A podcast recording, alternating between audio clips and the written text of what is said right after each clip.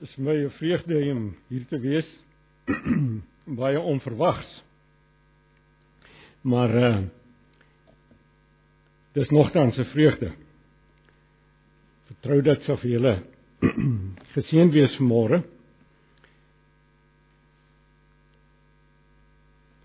En dat ons ten spyte van ons geringe getalle tog daarom die gemeenskap van die heiliges werklik sal ervaar. Ek is altyd uh verheug daaroor dat die Here Jesus gesê het wat 2 of 3 in sy naam saam is. Daar sien hulle midde.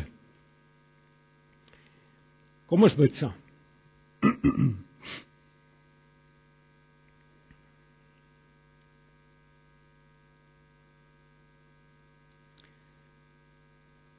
Here ons God.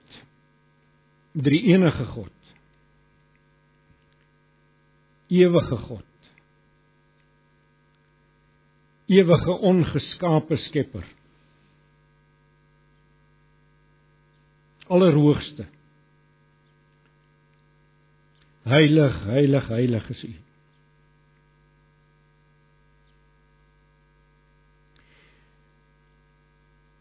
Ons dankie dat ons met vrymoedigheid voor U troon kan kom omdat ons in Jesus Christus 'n volmaakte middelaar het.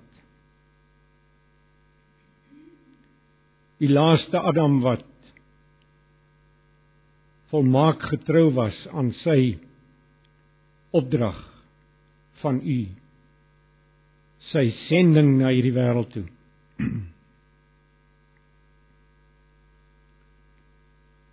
Dankie vir die nuwe skepping wat norme werklikheid geword het. Baie dankie dat u mense vanuit elke geslag elke stam en volk en taal en nasie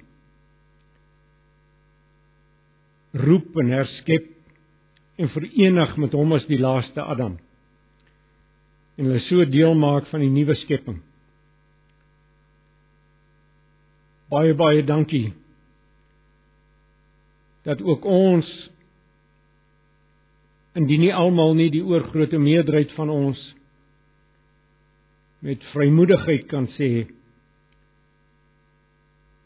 ons het deel aan hierdie onuitspreeklik heerlike erfenis.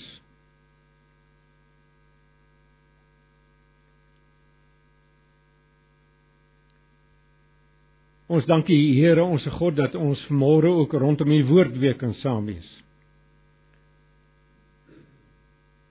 En ons bid dat U ook hierdie woord hierdie kosbare, kosbare waarheid waarna ons gaan kyk vanmôre.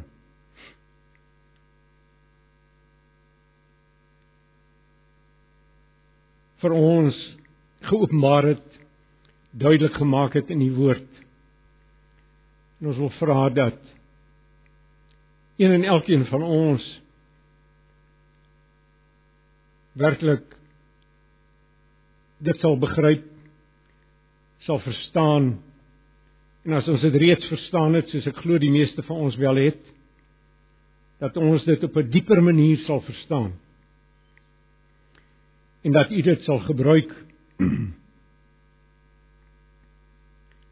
om hierdie gemeente vanmôre op te bou in die allerheiligste geloof en om in die besonder die Here Jesus Christus te verheerlik. Ons is diep afhanklik van die verligtende werk van u Heilige Gees. En ons dankie dat sy eerste taak is om Jesus Christus te verheerlik en doen dit dan ook vanmôre asseblief deur u Heilige Gees. Baie baie dankie daarvoor. Amen. Ek wil hê julle moet saam met my blaai in julle Bybels na Romeine toe. die Romeine brief. Ons gaan eers lees uit Romeine 5 uit. Nee, ek kom ons doen dit so. Ek gaan twee gedeeltes lees. Kom ons lees eers Romeine 1.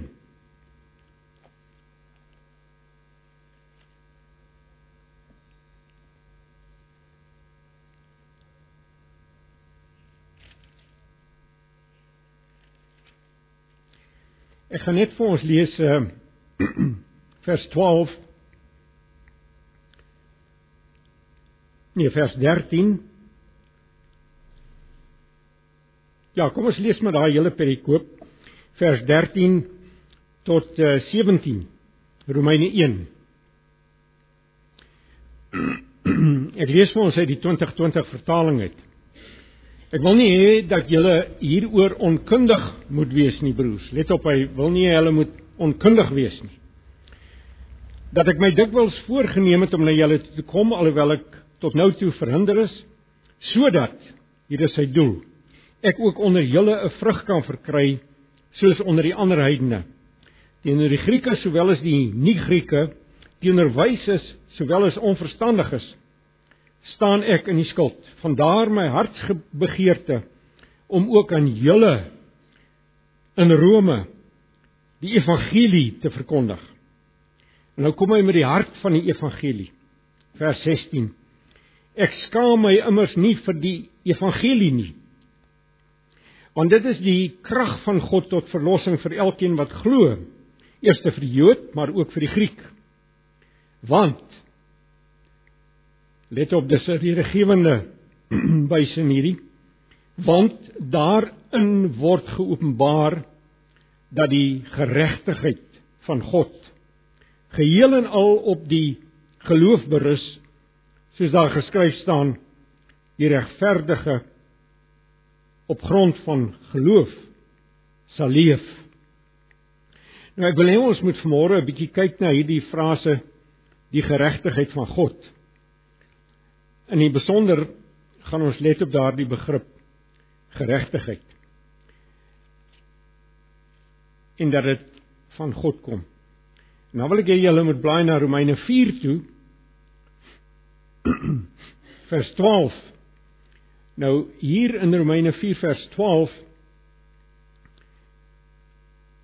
Ek gaan dit nie in die besonder uitlê vanmôre nie, hoewel ek in die algemeen hieroor gaan praat. Vers 12: Daarom soos deur een mens die sonde in die wêreld gekom het en as gevolg van die sonde die dood, so die dood ook tot alle mense deurgedring. Let op alle mense. Omdat almal gesondig het. Voor die wet was daar reeds sonde in die wêreld. Maar as daar nie 'n wet is nie, word sonde nie toegereken nie. Nietemin Nietemin het die dood van Adam af tot by die sonde geheers. En die dood is natuurlik die loon van die sonde, né? Ook oor die mense wat nie gesondig het op dieselfde wyse as wat Adam oortree het nie. Met ander woorde, ook hulle het terwyl hulle nie soos Adam die proefgebod oortree het nie, het hulle tog deel aan die straf op sy sonde. En daarom sterf ook hulle. Adam is 'n voorbeeld wat heen wys na hom wat sou kom. Nou let let hierdie is 'n baie gewigtige en 'n gelaaide frase hierdie. Adam is 'n voorbeeld wat heen wys na hom wat sou kom. Julle sal sien hom is met 'n hoofletter gespelde. Maar die genadegawe is nie soos die oortreding nie. Want as deur die oortreding van een mens baie gesterf het, Hy verwys hier na Adam natuurlik. Het die genade van God, ja, die genadegawe wat deur die een mens Jesus Christus gekom het, vir baie mense nog soveel oorvloediger geword. Ek wil net sê as jy weer hierdie gedeelte gaan lees na vanmôre se preek met aandag gaan lees en presies in ag neem wat ons gaan sien vanmôre, gaan jy miskien nog dieper insien in die rykdomme van hierdie frases. Uh elkeen van hierdie frases dra dra bepaalde inhoud en 'n bepaalde uh diepgang wat terwyl ek nou hier lees, sien ek net meer daarvan raak. Dis dis 'n wonderlike gedeelte hierdie. Vers 16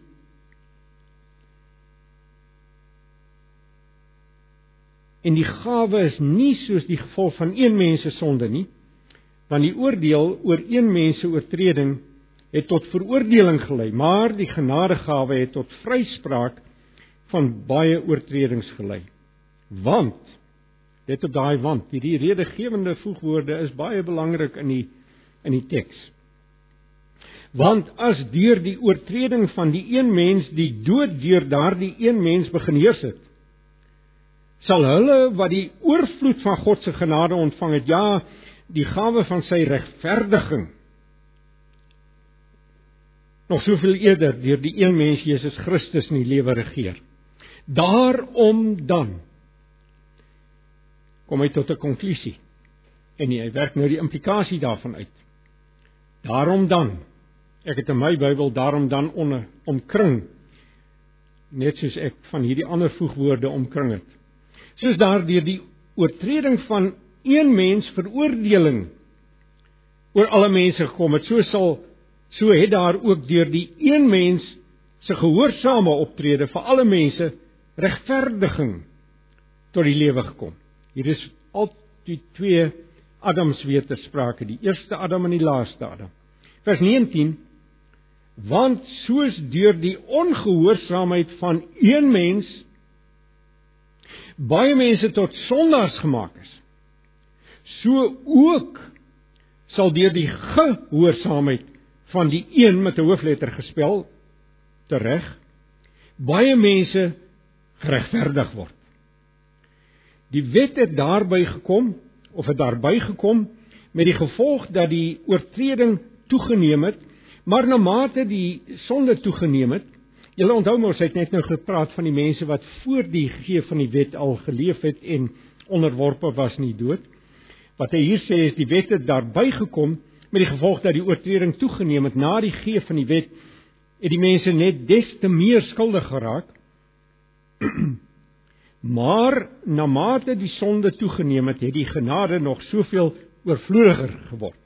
Dus konklusie.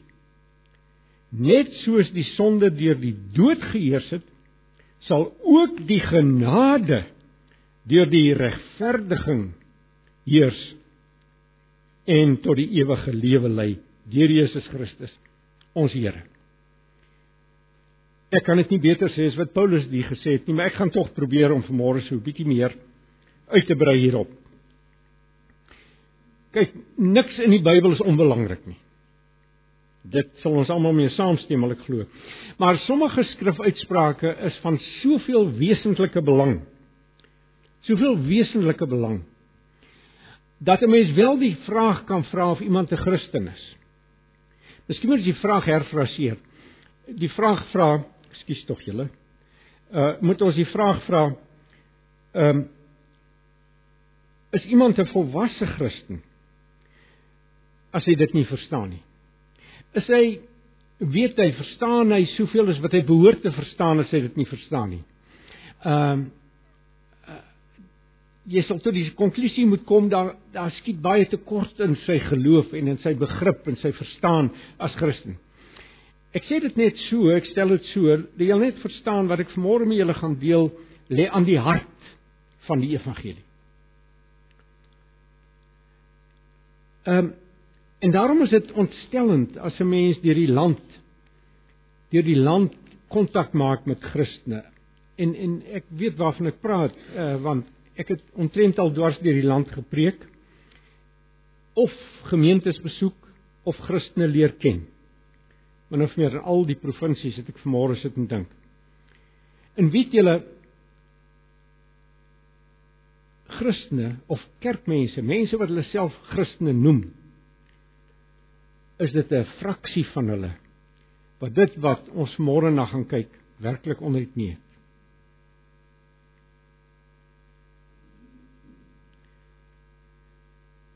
Dis tragies. Maar so ek deel dus met julle vanmôre 'n waarheid wat aan die hart lê van ons allerheiligste geloof.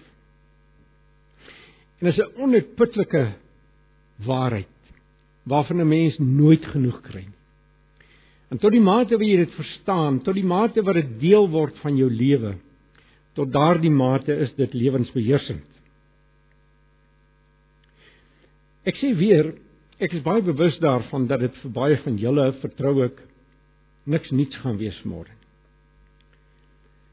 Maar tog is dit so iets so belangrik dat geen prediker dit moet nalat om dit weer en weer te preek nie.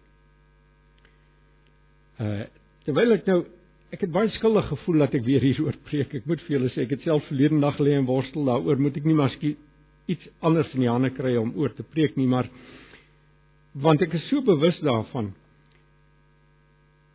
vroeër jare toe ek nog aan Antipas was, dit is nog nie amper in die vorige eeu, het ek waarskynlik twee of drie keer hieroor gepreek en ek gaan nou vanmôre weer daaroor preek. So die van julle wat nou presies weet waaroor ek gaan preek, moet my asseblief vergewe. Maar probeer probeer ook werklik uh uh daardie ekstra bietjie kyk is soos 'n soos 'n behoorlike goeie stuk boerbeskuit wat jy in koffie doop wat so 'n bietjie toegeslaan is. En as jy hom uittrek, dan kan jy so die boonste krummeltjies afsuig. Die binneste is nog hard. Dan moet jy hom weer indruk. En dan kry jy weer 'n klompie krummel. Verstaan julle waarvan ek praat of het julle maas beter beskuit gebak as myne? dit dit dit gaan met hierdie ook so soos met 'n stuk harde beskuit. En ek vertrou dat julle ook weer in staat sal wees om 'n paar ekstra krummeltjies vanmôre te kry. Weet julle die en en wat ek nou gaan doen, ek gaan nie 'n vreeslike stuk skrif uitleg as sodanig gee. Jy weet 'n perikoop wat ek nou uitlê. Ek's baie lief om dit te doen en is goed as 'n mens dit doen, maar soms is dit nodig dat 'n mens iets meer van 'n 'n 'n 'n oorsigtelike tipe van leerstellige tipe preek gee. En en van julle mag dalk daaroor wonder, is dit nou korrek so? Wie is baie interessant. Ek het groot geword se dopper. En in die gereformeerde kerk trouens trouens ehm um, uh, in die Dordtse kerkorde is dit eintlik voorgeskryf dat as daar as ek dit nie mis het nie dat as daar twee dienste op 'n Sondag is moet een diens gewy word aan katekismusprediking of belydenis prediking uit die belydenis Johan jy was ek 'n dopper is ek reg as ek dit sê? 'n katekismus preek eenmal 'n Sondag. Freddy sê onthou jy dit nog? Ja. En Ek gaan vanmôre vir julle iets van 'n katekismus preek gee. Ehm um, en dis ook baie noodsaaklik. Dort het dit verstaan, die Dortse sinode van ek dink 1618. Uh ek het ook twee vriende byvoorbeeld wat vir my al die afgelope tyd gesê het elke Sondag deel hulle 'n gedeelte lees hulle uit die 1689 belydenis voor die voor die diens of voor hulle begin preek want hulle het agterkom die mense het dit nie Mense verstaan dit nie. Maar nou ja, dit net maar daar gelaat. So ek probeer maar net vir julle om verskoning vra dat ek 'n preek nou al die tweede of die derde keer in hierdie gemeente preek, maar dis daarom oor baie jare heen. En uh maar die punt is waarna ons gaan kyk vanmôre, dis is die hele beginsel van regverdiging deur die geloof alleen. Regverdiging deur die geloof alleen. Nou gaan ek nie so seer oor geloof praat vanmôre nie. Uh dit is 'n tema op sy eie ontsaglik belangrik. Maar ek gaan meer praat oor regverdiging. Luther het al verstaan waarvan ek praat. Hy het gesê kom ek sê vertel net net ietsie van Martin Luther. Hy was natuurlik 'n rooms-katolieke priester, priester voor die reformatie en hy was 'n professor aan die Universiteit van Wittenberg. En hy moes onder andere klas gee oor die brief aan die Romeine terwyl hy nog daar professor was. Maar hy kon nooit agter die kap van die byl van Romeine 1 vers 16 kom nie, die vers wat ek net nou vir julle gelees het. Die regverdiging deur die geloof alleen. Hy kon dit nie verstaan nie, waarom nie? Kyk, hy het verstaan wat die wel groot tema van die eh, van die boek is, maar die sleutel tot die tot die boek kon hy net nie kry. Hy kry hom net nie oopgesluit nie. En hy het oor en oor oor hierdie frase gelees die geregtigheid van God. die geregtigheid van God wat ons daar kry in in vers uh, in hoofstuk 1. Die rede daarvoor is dat die Rooms-Katolieke Kerk deur die middeleeue en waarskynlik tot vandag ek is nie seker wat hulle presiese standpunt is vandag nie, maar maak nie saak nie tot en met Luther se tyd het hulle dit verstaan as 'n karaktertrek van God. Dat die evangelie openbaar dat God 'n God van geregtigheid is. En dat hy dus toorn oor die sonde van mense. En Luther se krisis se bestaanskrisis op daai stadium was reeds al dat hy Job se vraag gevra het: Hoe kan 'n mens regverdig voor jou Maker staan? Hoe op aarde kan 'n mens regverdig voor hom staan? Dit was sy krisis. Hy het 'n enorme krisis daaroor gehad en uh, en nou nou regverdig en geregtigheids maar soort van dieselfde begrip En en dit was juis sy probleem. Hoe moet ek voor 'n regverdige God, 'n God van geregtigheid, regverdig staan? Die sy autobiografie daarin skryf hy dat hy hierdie uitdrukking begin haat het. Hy het dit begin haat want dit het hom bedreig. Hy het al hoe meer kwaad geword vir God as as 'n uh, rooms-katolieke priester want hy het vir jare reeds geweldige sonde besef gehad. En hy het agtergekom maar hy's totaal magteloos om 'n heilige lewe te lei. Hy kry dit net eenvoudig nie reg nie. Hoe op aarde kan ek regverdig voor God staan? Job se vraag. En met ander woorde hierdie frase is die laaste wat hy wil hoor van hierdie brief wat daarop aanspraak maak dat dit die die sleutel tot die ewige lewe gee. Hy wou dit nie meer hoor nie. Hy hy hy het nie geweet hoe kan hy hoe kan hy voor 'n God staan wat onverdraagbaar is teenoor sondaars nie. So het hy dit verstaan. Allermins hierdie boek wat daarop aanspraak maak dat dit die sleutel tot die ewige lewe dra.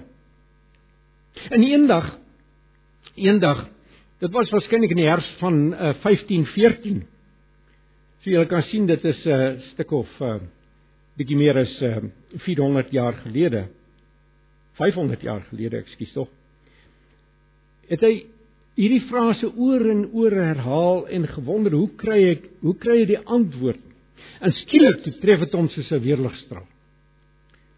Want hy besef toe hierdie frase in die Grieks in die Grieks kan ook vertaal word God is die oorsprong van geregtigheid.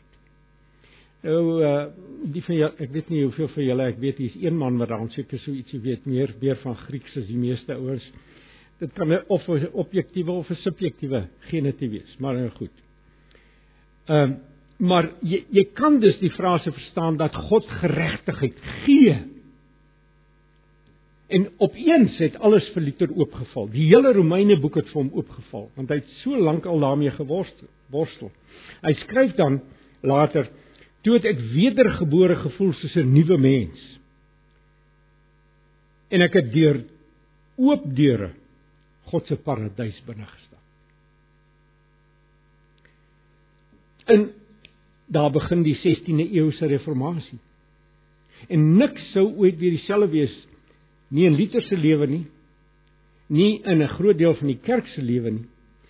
Trouwens, ek dink ek kan sover gaan om te sê nie nie langer in die wêreldgeskiedenis nie sou dit weer dieselfde wees nie. Dis baie ek sit ek sit vroeër vanmôre hieroor en dink dit is verstommend hoe totaal radikale veranderinge selfs in die ontwikkeling van die van die wêreldgeskiedenis op so 'n nietige punt kan begin. Dit het hier op 'n mespunt gebalanseer en toe reggeval. So Europa se vensters is as dit ware oopgestoot. En die sonskyn van God se heil het oral begin instroom. En dat dit die duisternis van die middeleeue verdring. In die volgende jare en dekades en eeue sou dit die redding van duisende der duisende der duisende mense meebring, hierdie waarheid. Nou wat het Luther gesien? Wat het hy verstaan? Luther het verstaan en ek vertrou ons verstaan en ons moet verstaan dat Adam en dis wat ons gelees het daar onthou julle in Romeine 4 vanmôre Adam het as hoof van die ganse mensheid opgetree toe hy in sonde geval het toe hy misluk het in sy proefgebod en die effek van sy sonde op sy nageslag noem ons in die teologie of in die dogmatiek die erfsonde. Nou is 'n begrip wat julle almal ken. Die erfsonde. Maar wat mense dikwels nie genoegsaam verstaan nie, is dat die erfsonde twee komponente, twee baie belangrike komponente. In die eerste instansie verloor het die mens, het Adam en nou sy nageslag hulle verloor ons of het die mens sy geregtigheidsaard verloor. Sy aard, let op hierdie woord, geregtigheidsaard verloor. Hy het 'n sondige natuur gekry. En dis die teenoorgestelde van 'n natuur van geregtigheid. Ons noem dit die in Afrikaans die erfsmet. Uh, en dis iets wat ons almal proefondervindelik ken.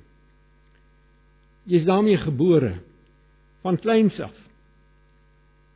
Van die eerste goed wat 'n baba sê is uh uh of sal nie. Dit is lyk vir my universeel so. So ons almal ken dit proefondervindelik. Maar die tweede instansie en dis nou baie belangrik, het die mens sy juridiese geregtigheid stand voor God verloor. En ons noem dit die erfskuld. Uh, wat ek hiermee bedoel is dit elke mens is strafwaardig voor God die oomblik as hy gebore word. Ek wil eintlik sê die oomblik as hy ontvang word in die moederskoot. Selfs voordat hy 'n enkele sonde gepleeg het. Dis waar 'n baba sterf. Want die dood is die loon van die sonde is as gevolg van hierdie verlies aan geregtigheidsstand. En dit beteken dus dat die hele mensheid as mensheid in Adam, in Adam as sodanig doemwaardig is. Klaar. Dit maak nie saak hoeveel sonde jy het nie. Baie min sonde of selfs geen sonde, soos 'n pasgebore baba. Sonde wat gedoen word sondes van daad en sondes van nalatiging. Maak nie saak of daar sonde is of nie. Gewoon net omdat jy deel is van die nageslag van Adam, is jy doemwaardig. Mense neem aanstoot aan hierdie stelling. Ons praat mos sê ons, daar word gepraat oor hoe onskuldig is die ou babietjies. En die mans is ook meer skuldig as die vrouens. En die, selfs die vrouens is meer skuldig as die kinders. Maar die feit bly staan, daar word nie rekening gehou met hierdie doemwaardigheid, hierdie verlies aan juridiese geregtigheid stand. En as 'n mens net daaraan aanstoot neem, dan moet 'n mens net onthou so 'n kind word siek, so 'n kind is onderworpe, so 'n babie, so onskuldige babietjie is uh, onderworpe aan aan aan die die gevallenheid van hierdie wêreld. Word siek, hulle gaan dood. Val vroeër jare. Saartjie, jy's nou weet hoeveel babas het gesterf tot tot die helfte van die vorige eeu in bevallings ensovoorts. En maas het gesterf. Maar goed, ons praat nou meer van die babas. So die hele mensheid is in Adam die gefalle mensheid. En as sodanig doemwaardig. So daar is dus die erfsonde wat die twee dimensies het, die erfsmet. Dit is die geneigtheid tot sonde en die erfskuld. Die feit dat jy net vanuit die feit dat jy as 'n kind van die mens of die mense ras gebore is, nageslag van Adam, is jy doemwaardig as sodanig. Uh, ja, mens kry baie dikwels dat 'n individu optree namens 'n groot klomp mense. Ek het net hier op my notas geskryf Uh dink aan die Tweede Wêreldoorlog. Mens kan wonder sou daar ooit 'n Tweede Wêreldoorlog gewees het as daar nie Hitler was nie. Hitler het eintlik alles veroorsaak. As jy na die geskiedenis kyk. Of of ehm uh, vat nou maar die vredesooreenkoms na die Tweede Wêreldoorlog is deur enkele mense onderteken namens hulle volkere. Terloops Hitler was nie teenwoordig nie. Ehm um, of of dink net maar 'n pa 'n ma wat namens hulle kinders optree. Ja, dit gebeur heeldag en aldag. Jy verteenwoordig hulle, jy tree namens hulle op, jy kan selfs juridies namens hulle optree. So eh, dit is nie 'n snaakse ding hier nie. Maar dan kom die Here God en hy besluit met die na die sondeval, wel is so verordeneer in die in sy ewige raadsplan, maar maar maar kronologies na die sondeval, hy gaan met 'n nuwe skepping as jy my sou verskoon dat ek dit so stel. Hy gaan met 'n nuwe skepping begin. En hy kom weer met 'n nuwe Adam. En daarom word Jesus Christus in 1 Korintiërs 15 die tweede mens genoem. Die tweede mens. Bedoelende die tweede stamvader van 'n nuwe mensheid. En hy word ook daar die laaste Adam genoem. Ek het vreugde daarin dat hy die laaste Adam genoem word. Mens sou sê moes hy nie eerder die tweede Adam genoem word nie. Nee nee. Hy word spesifiek die laaste Adam genoem. Hoekom? Omdat daar nie weer 'n Adam nodig sal wees nie. Verseker nie. Hy's die finale Adam. En in hom begin dan die nuwe skepping. Weereens, ons leef nou in die dae van Kersfees. Die nuwe skepping word in die nederigste denkbare omstandighede kan ek die woord gebruik tot stand gebring. Hy lê in 'n krib. Hy word gebore uit 'n tienerdogter wat ongetroud is. Daar lê die eersteling van die nuwe skepping. Dis hulle in goeie Afrikaans sê, ek vind dit mind-boggling.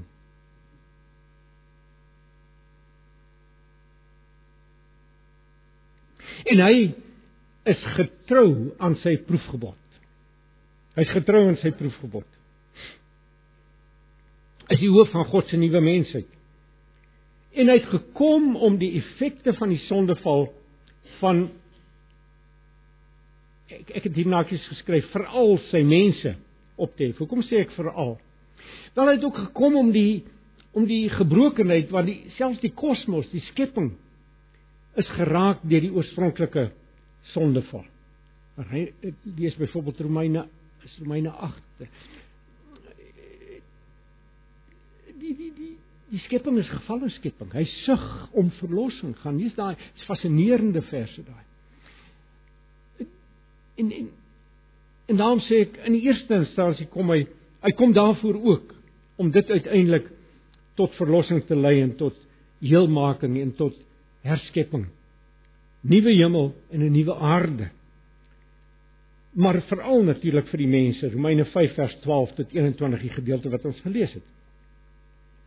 En nou kom die evangelie en sê vir ons wanneer 'n sondaar, iemand in Adam in opregtheid en erns en in waarheid sy geloofsvertroue in Christus stel, dan word hy bewyse van Spreuke uit Adam uitgehaal en oorgebring en in die laaste Adam ingeplant.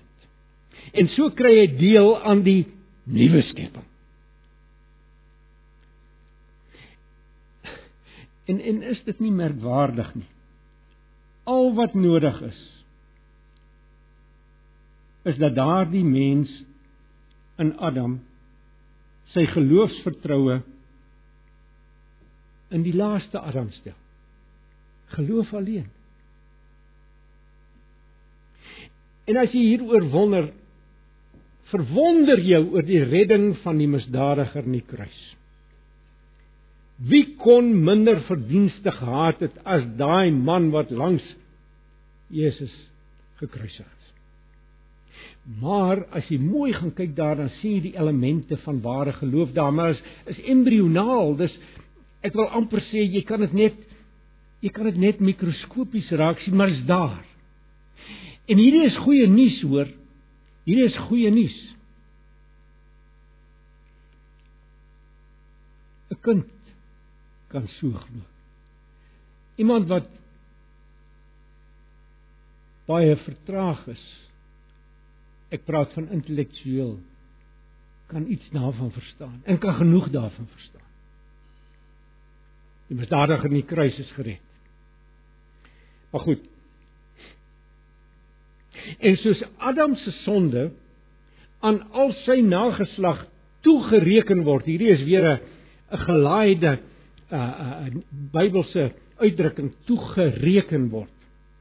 Ek het 'n professor gehad, julle sal my verskoon as ek sê, maar hy was baie lief vir die woord vir die uitdrukking as hy van so 'n woord praat, het gesê dis 'n pregnante uitdrukking. Kry julle hom? Dis 'n uitdrukking wat swanger is aan betekenis. Uh, hierdie toegereken. En nou wat dit so betekenisvol maak, die Griekse woord is ook in die antieke wêreld gebruik vir 'n bloot om om om om 'n boekhou inskrywing te maak.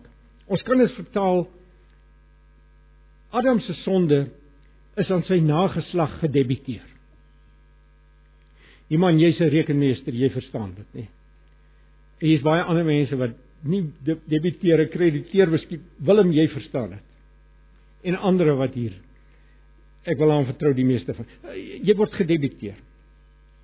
Maar dan as jy oorkom en met die laaste Adam vir verenig word dan word sy geregtigheid aan jou gekrediteer.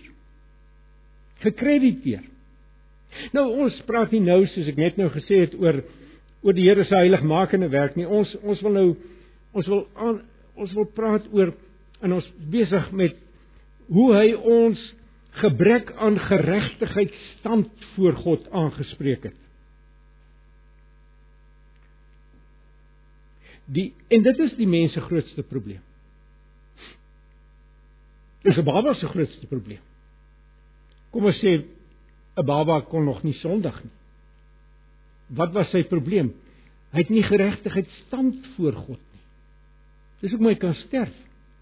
Dis hoekom in beginsel 'n baba kan verlore gaan. Ek sê nie die Bybel openbaar niks vir ons oor wat gebeur met babas wat sterf nie. En ek kan maar net vir julle sê dat 'n ou soos Charles Spurgeon het geglo alle babas word gered. En hy's ek vertrou hy's reg. Ek weet nie. Bybel sê nie vir ons nie. En en daar is van julle wat babas verloor het al. En miskien kan julle troos daarin vind dat die Here God baie regverdig is. En hy kan 'n man of 'n vrou of 'n baba in Christus implant sonder dat daar 'n 'n definitiewe bekeringservaring. Hy's mos God. Maar goed, dit nou maar daar gelaat. So Moenie hieronder verstaan dat so 'n baba noodwendig verlore is omdat hy nog nie tot geloof kon kom of sy nie. Maar kom ons gaan voort. Om te verstaan hoe Christus 'n mens se verlies aan geregtigheid stand voor God aanspreek. Moet ons net eers 'n bietjie oor die aard van sonde praat. Nou alle sonde, ek het net nou daar vinnig daarna verwys, sou mens kon verdeel in twee komponente of twee klasse. Daar is so iets soos sondes wat jy doen en sondes wat jy nalat. En ek dink vir ons wat lankal op die pad van die Here is, is die sondes van nalatiging 'n groter probleem as die sondes van daad. Hoewel hulle nie afwesig is in ons lewens nie, verseker nie, is nie in my lewe afwesig nie en ek het 'n sterk vermoede dis ook nie in jou lewe afwesig nie. Maar daar's gereg sonde van doen of daad en sondes van nalatiging. Daar's so iets soos oortreding van God se gebooie. Daar's so iets soos 'n mislukking daarin om sy standaarde te handhaaf. Jy kom net nie by nie. Kom net nie by nie. ja, ons as as as Christene ons ons haat hom nie meer nie. Ons haat hom nie meer nie. Maar ons het hom nie so lief soos ons moet nie. Nou meeste van ons is is deeglik bewus daarvan indien nie almal van ons nie dat Jesus my sonde betaal het. As ek dan met hom verenig is. Het uitgedoen hy het betaal wat ek gedoen het. Hy het betaal wat ek besig is om te doen. Hy het betaal wat ek nog sal doen wat sondig is. En as plaasvervanger het hy my straf daarvoor verduur. My skuld is aan hom toegereken. En en en hy het die prys betaal. Dis oorgeboek na sy rekening toe. As ek nog maar daai tegniese uit uh inhoud van daardie begrip kan werk. Hy's daarmee gedebiteer. En dis die einde van my skuld. Maar nou moet ons verstaan. Dit is op sigself nie genoeg nie. Dis nie genoeg nie. Ehm um, kyk die van julle wat met die 84 vertaling of die 83 die nuwe Afrikaanse vertaling werk sal sien hulle het ongelukkig die die die die vir hierdie begrip deurgangs vryspraak gebruik. As ek dit nie mis het nie. Terwyl die ou vertaling het van regverdiging gepraat of regverdigmaking gepraat. Die 2020 het die het die probleem grootliks opgelos. Kom ons sê ek dis 'n probleem omdat daar is meer as vryspraak ter sprake. Trouwens, dit gaan eintlik oor regverdiging. Om te sê jy's regverdig. Nie net jy's onskuldig nie. Jy's regverdig. Jy het volkome aan God se standaarde beantwoord. Hoe weet jy dit? Wel, my boeke sê so. God se boeke sê so. As jy in Christus is.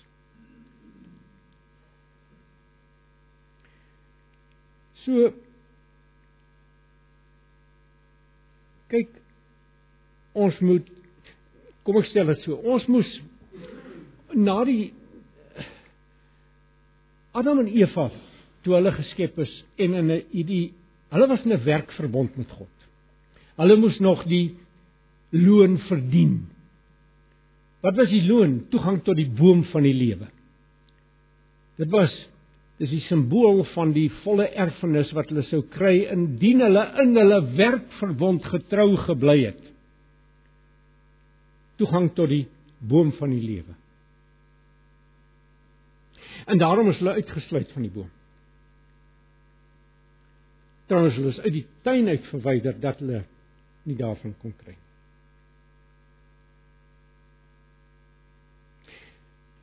Wat is een saak as Adam en Eva moes nog moes nog hulle is onskuldig geweest toe hulle geskep is. Hulle was onskuldig geweest. Hulle het geen sonde gehad voor die sondeval. Elke middag saam met God gaan stap ensovoorts. Maar hulle moes nog toegang tot die boom van die lewe verdien. Dis die werkverbond. Hulle moes dit self verdien. Hulle moes die loon verdien. So hulle het nie net straf gehad om te ontkom nie, hulle moes die loon verwerf, sien julle dit? Eh, dis asof die Here vir hulle gesê het: "Wil julle die ewige lewe hê? Wees my volmaak gehoorsaam." Dis tog 'n werkverbond. En is op hierdie punt wat die mense grootste probleem lê.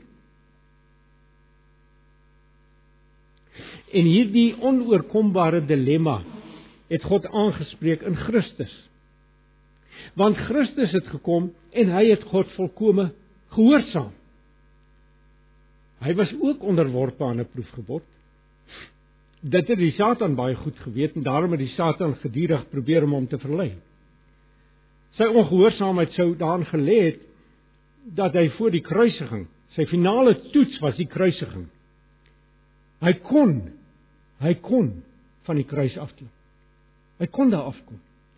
Hy kon legioene engele oproep om hom te kom vrymaak. Hy kon. Toe Satan hom Satan hom in die woestyn verlei het, kon hy toegee en hy sou misluk het. Maar hy het elke keer gehoorsaam gebly en daarom kry hy uiteindelik die loon van sy werkverbond waarna hy was. En wat is loon? 'n Bruid, 'n bruid vanuit alle eeue. Ook vanuit die Ou Testament wat dis nou 'n ander hele problematiek, maar ons gaan nou nie daaroor praat nie, maar daar was ook die 7000 wat dit nie voor Baal nie gebuig het nie. Hulle is gered, kan ek net tussen hakies sê, omdat hulle verwag het die komende lam van God. Hulle het vooruit gekyk, ons kyk terug na die lam van God. Wat op dieselfde beginsel gered. In elk geval Jesus Christus was gehoorsaam in die fynste besonderhede. Alles wat hy gedoen het, alles wat hy nagelaat het, was soos die Vader dit wou hê.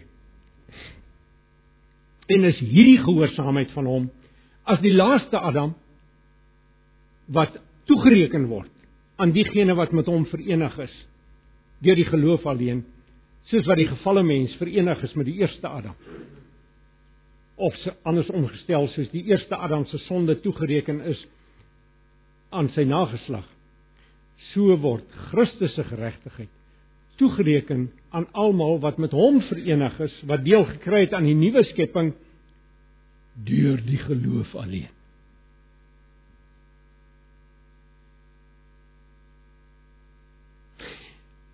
En en dis wat geloof is ten diepste jy stel jou totale vertroue en jy laat jou hele ewigheid in die hande van die laaste Adam. Sy geregtigheid, sy gehoorsaamheid word op jou rekening gekrediteer deur die geloof alleen. En dit is waarvan Romeine 1 vers 17 praat. Dis die geregtigheid wat God gee. Die enorme erfenis wat Christus verdien het as die laaste Adam. En dis wat Luther gesien het. En dit was die vonk wat die 16de eeuse reformatie in die gang gekry het.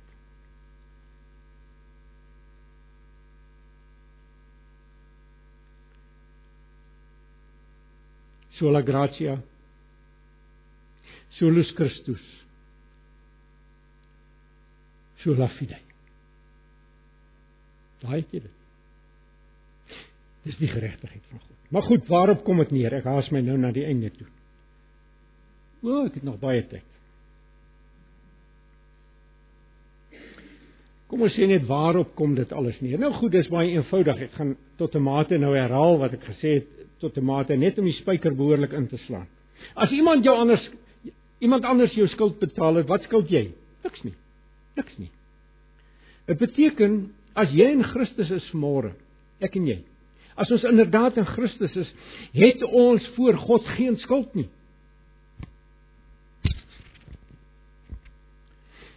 As as jy iets moet doen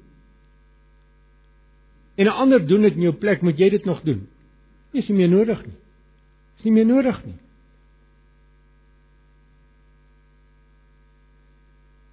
En dit beteken dat in God se boeke, in sy boekhouding, het die van ons wat in Christus is, die status of die saldo of die status van mense wat die wet van God volmaak onderhou het.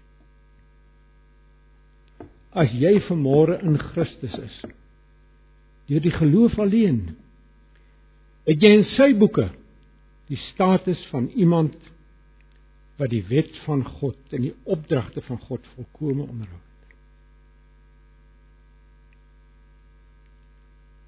En is in jou gegee.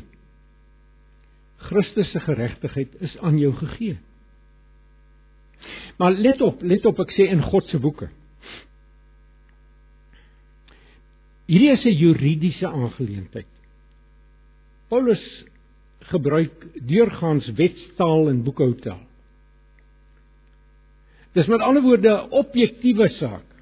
Nie 'n subjektiewe saak nie, dis 'n objektiewe saak. Dit is buite jou buite jou, buite jou ervaring, buite jou belewing jou saldo. Ons worstel hier met met met die met die gebrokenhede nog van die beeld van God in ons. Kom ek verduidelik dit net vinnig so. As 'n baba gebore word, dan sê ons dis 'n mens. Dis 'n mens. Dis waarlik 'n mens. Maar hy's nog 'n babietjie. Hy moet nog groei, nog nog toeneem in in krag en in vaardighede en in wysheid en begrip. Hy moet nog leer praat, hy moet leer sit selfs. En so kan ons aanhou. Ons ken dit.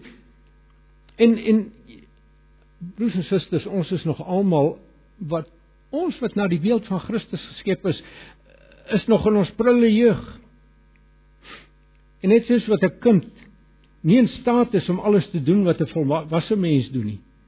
Net soos is 'n jong ervare Christen nog nie in staat soos die die ou ryp Christene nie.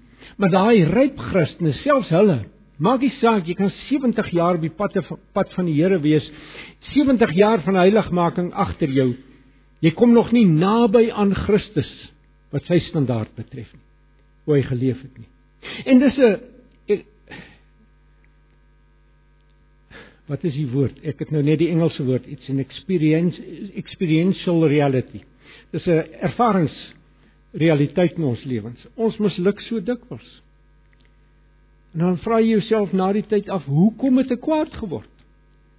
Hoekom het ek dit? Hoekom ek dat?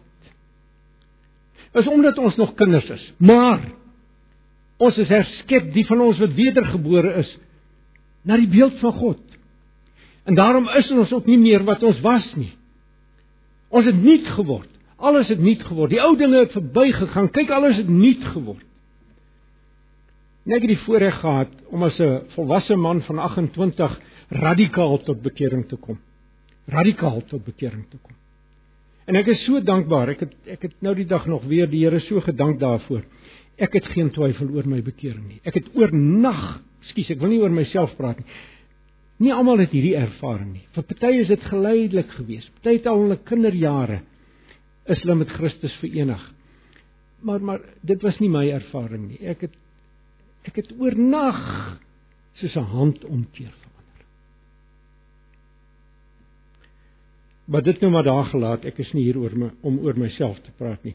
Maar julle moet verstaan dat die waarheid waarna ons vandag kyk is 'n objektiewe waarheid, dis nie 'n subjektiewe waarheid nie. Ja, dit het subjektiewe gevolge. Effekte. Maar dit gaan oor jou en my status in God se boeke, objektief.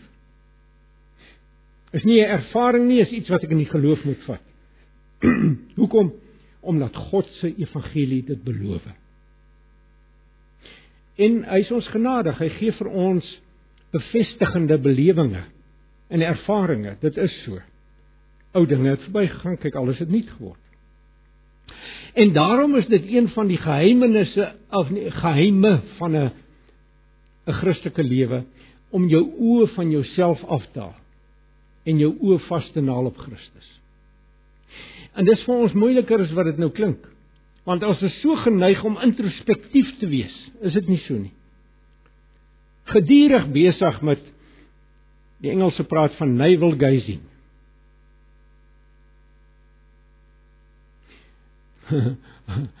ek en my broers die uitdrukking ons praat van dermrygery. Dis is gedurig besig om jy die neiging, is julle ook so? Maar ons moet leer en soos ons langer op hierdie pad is, leer ons dit inderdaad om ons oë vas te naal op Christus. As ek misluk het, vestig jou oë op Christus. So om weg te kyk van jouself na hom Dis een van die groot geheime van 'n suksesvolle Christelike lewe, suksesvol in aanhalingstekens. Onthou julle die essensie van die geloof is destyds al in Sinai aan die aan die uh, Israeliete gedemonstreer met die koperslang. Onthou julle die koperslang, wat was nodig vir hulle om gesond te word? Hulle moes net kyk na daai slang. Hulle hulle is nie ingesmeer met kameel kameel uh, melk of wat ook al nie. Hulle moes net kyk na die slang. Dis die essensie van geloof. Om jou oë vas te haal op Christus en vertroue en dis die essensie van geloof.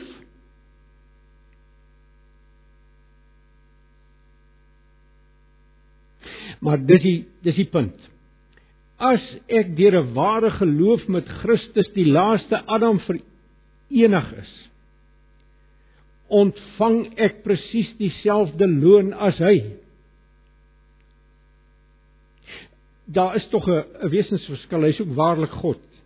Ek probeer dit ons moet nie hierdie saak oorspan nie. Maar ons moet verstaan hy het die ewige lewe ontvang. Hoe weet ons dit? God het hom opgewek uit die dood. En daar dit was die Vader se getuienis hierdie man Jesus van Nasaret het niks in sy lewe wat die ewige dood of wat die wat die liggaamlike dood selfs verdien nie. Niks nie. Daarom moet hy opgewek word. Hoekom het hy gesterf? Omdat jou en my sonde op hom gelaai was. En die laaste vyand moes hy nog verslaan.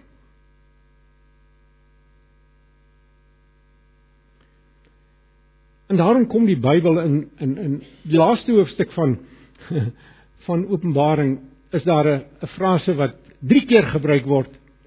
Toegang tot die of 'n uitdrukking of 'n of 'n belofte. Toegang tot Julle weet waarna ek verwys. Die boom van die lewe. Toegang tot die boom van die lewe. Praat van vers 2, vers 24, vers 19 toegang tot die boom van die lewe. So die engele wat destyds na die sondeval moes toesien dat Adam en Eva nie weer in die tuin inkom en toegang kry tot die boom van die lewe nie gaan vir die wat met Christus verenig is 'n verwelkomingserewag vorm. Hulle wat in Christus ingevlug het. Hulle wat end uit lewenslank in hom geskuil het wanneer hulle die nuwe tuin van Eden in marcheer soos 'n pyl reguit na die boom van die lewe toe ek sluit af met hierdie daar was 'n 'n baie bekende kerkleier en 'n teoloog 'n formidable teoloog in Amerika so amper 100 jaar gelede uit die naam gehad van Gresham Machen baie bekende man gewees. En hy is in op die 1 Januarie 1937 is hy oorlede. En sy laaste woorde, sy sterfbedwoorde was: Ek is so dankbaar vir die aktiewe gehoorsaamheid van Christus. Daar sonder geen hoop nie. Dit was sy laaste woord. Maar het jy opgelet? Hy het verstaan. Hy het verstaan wat ons vanmôre na gekyk het, die aktiewe gehoorsaamheid van Christus. Want Christus het ook passiewe gehoorsaamheid gehad. Dit wat hy nie gedoen het nie, wat hy verbied is, het hy nie gedoen nie. Maar by uitnemendheid sy aktiewe gehoorsaamheid is wat die deurslag gegee het in sy lewe. Meisien, ek is so dankbaar vir sy aktiewe gehoorsaamheid. Broers en susters, dis dis maar wat ek vanmôre met julle wou deel. En ek dink julle sal met my saamstem. Maar ek moet dit nie so stel nie. As ek sê ek dis maar al wat ek met julle wil deel. Ek het vanmôre vir julle wat ek met julle gedeel het, wat baie van julle soos ek gesê het, goed verstaan het altyd op hierdie punt, maar julle net herinner weer daaraan. Net julle beskuit weer 'n bietjie in die koffie ingedruk gaan nou heen en gaan suig daai beskuit. Verlustig jou hierin. Verbly jou in die Here. Dank hom daarvoor. Ek vertrou jou beskuit het 'n bietjie dieper geweek vanmôre. Kom ons bid saam. Ons Vader in die hemel baie baie dankie vir die evangelie. En ek gaan nou nie te lank bid nie want ons het elkeen 'n behoefte wil ek vertrou om hierdie waarheid waarna ons gekyk het vanmôre net weer 'n keer te gaan bedink, bepeins, beleef en ons daarin te verlustig. Help een en elkeen van ons om dit in die geloof te vat, objektief hierdie wyd, hierdie waarheid, hierdie objektiewe waarheid. In God se boeke het ek en elkeen van my broers en susters hier wat in Christus is, die status van iemand wat nooit gesondig het nie. Trouwens die status, die saldo van iemand wat die Here my God volkome gehoorsaam het. Die status van iemand wat toegang tot die boom van die lewe vrylik ontvang het en geniet. Prys U naam, prys U vir hierdie boom van die lewe wat elke maand vrug gaan dra tot in die verste verste verste ewigheid in. En ons sal nooit moeg word vir sy vrug nie. En daar sal altyd vars vrug wees. Voordat laas maand se vrug afval, sal daar weer nuwe ryp vrug wees. Prys U naam vir die boom van die lewe. Wat uiteindelik seker niks anders is ten diepste as intieme intieme gemeenskap met U nie. Om dan U te ken en om gemeenskap met U te hê is die wese van die ewige lewe. Prys U naam. En mag die genade van die Here Jesus Christus en die liefde van God en die gemeenskap van die Heilige Gees met elkeen van sy kinders bly as ons hiervandaan verder gaan. Prys u heilige naam. Amen.